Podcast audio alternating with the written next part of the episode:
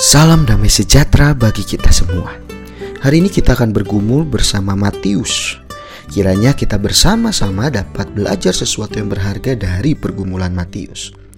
Saudaraku, nama Matius sendiri berasal dari bahasa Yunani yang berbunyi Matayos dan berasal dari bahasa Ibrani yang berbunyi Matityahu yang artinya pemberian Tuhan. Ia adalah seorang pemungut cukai yang kemudian dipanggil Tuhan Yesus menjadi muridnya. Hal ini menimbulkan sungut-sungut di kalangan orang-orang Yahudi pada saat itu. Mengapa? Memang sebab pada saat itu para pemungut cukai dianggap sebagai pengkhianat bangsa sendiri.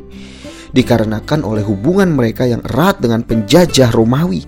Seolah-olah lebih condong kepada penjajah dibandingkan kepada negaranya sendiri. Matius mempunyai dua nama. Matius juga disebut Lewi. Banyak penafsir yang mengatakan bahwa nama aslinya adalah sebenarnya Lewi. Namun kemudian Tuhan Yesus memberi nama baru yaitu Matius yang adalah pemberian Tuhan. Nampaknya Matius adalah orang yang cukup berada. Mengapa? Sebab ia mengadakan perjamuan yang besar untuk Tuhan Yesus di rumahnya, serta mengundang banyak orang untuk ikut di dalam perjamuan tersebut. Hal ini mungkin saja dilakukan sebab para pemungut cukai adalah orang yang memiliki penghasilan yang cukup besar pada saat itu. Matius melakukan pekerjaan pelayanan dan pekabaran Injil di Ethiopia, Afrika. Matius menulis Injil yang khusus ditujukan kepada orang-orang Yahudi sebenarnya. Sebagai mantan kepala kantor pajak, Matius mempunyai kemampuan terbiasa dengan pekerjaan dan laporan yang mendetail dan sistematis. Kemampuan tersebut ia gunakan dalam menulis ulang semua informasi tentang Tuhan Yesus.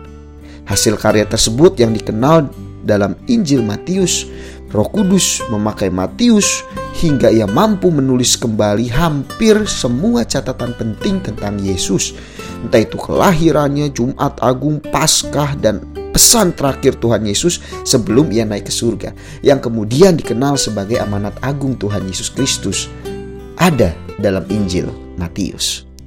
Saudaraku, apa yang dapat kita pelajari dari pergumulan Matius? Dari Matius kita belajar, saat kita hendak mengikut Tuhan, saat kita hendak melayani Tuhan, lakukanlah semuanya itu dengan segenap hati kita yang berfokus kepada Tuhan. Jangan sampai oleh karena omongan orang yang negatif tentang kita, entah itu juga mungkin bersangkut pautan tentang masa lalu kita, lalu mempengaruhi iman percaya kita dan pelayanan kita kepada Tuhan. Jangan. Oleh sebab itu, marilah kita belajar untuk menumbuhkan iman kita. Selamat menumbuhkan iman, bersama dengan Tuhan Yesus Kristus, selamat berkarya dalam pelayanan yang tertuju kepada Tuhan Yesus Kristus.